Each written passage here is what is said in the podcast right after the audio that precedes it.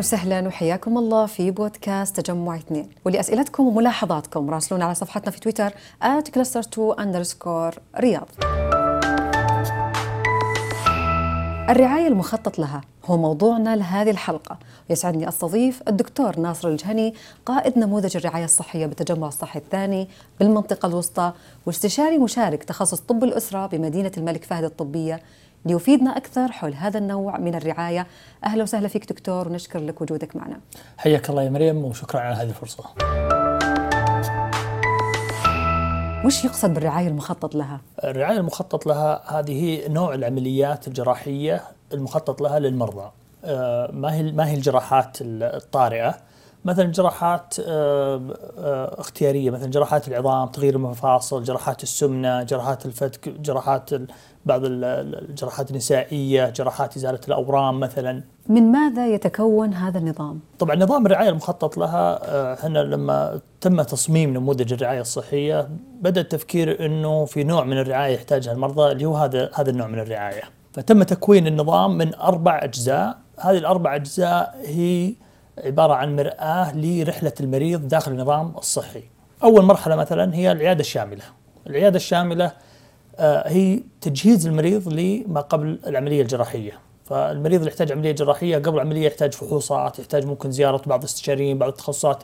كيف نجمع هذه كلها؟ عندنا تكون في عيادة واحدة ممكن يسويها المريض في يوم واحد أو بالأكثر في يومين. ثم نجي للمرحلة اللي بعدها اللي هي تنويم المريض عمل العملية الجراحية داخل المستشفى وتنويم المريض وإلى آخره. كيف نحد من طول إقامة المريض في المستشفى؟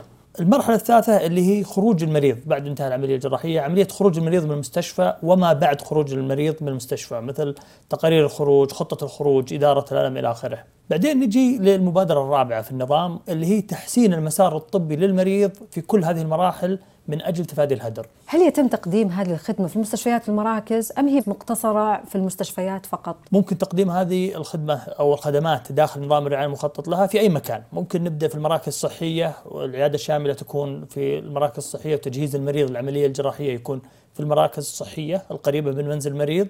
التنويم والعملية الجراحية ممكن تكون في المستشفى، ممكن تكون في مراكز جراحة اليوم الواحد، ثم آه، الخروج من المستشفى ممكن المريض ممكن المريض يتابع في آه، المراكز الصحية القريبة منه آه، مثلا إدارة الألم مثلا إذا احتاج متابعة بعد الخروج من المستشفى فهي ممكن تقدم في أي مكان داخل النظام الصحي. كيف يستفيد المريض من هذه الخدمة؟ طبعا المريض راح يستفيد بشكل كبير من هذه من هذا النظام. اولا في وهذا هدفنا من هذا النظام إنه تقليل وتفادي الهدر داخل النظام.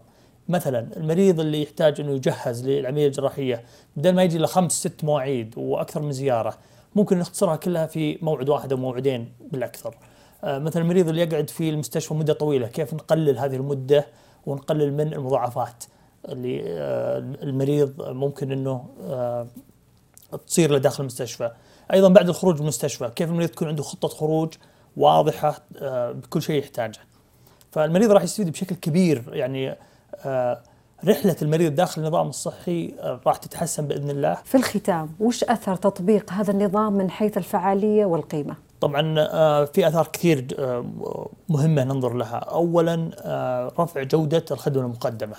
يعني المريض اللي يحتاج لتخطيط للعملية يحتاج موعد واحد أو موعدين بدل خمس ست مواعيد، إحنا رفعنا جودة الخدمة للمريض وقللنا من الهدر داخل النظام الصحي.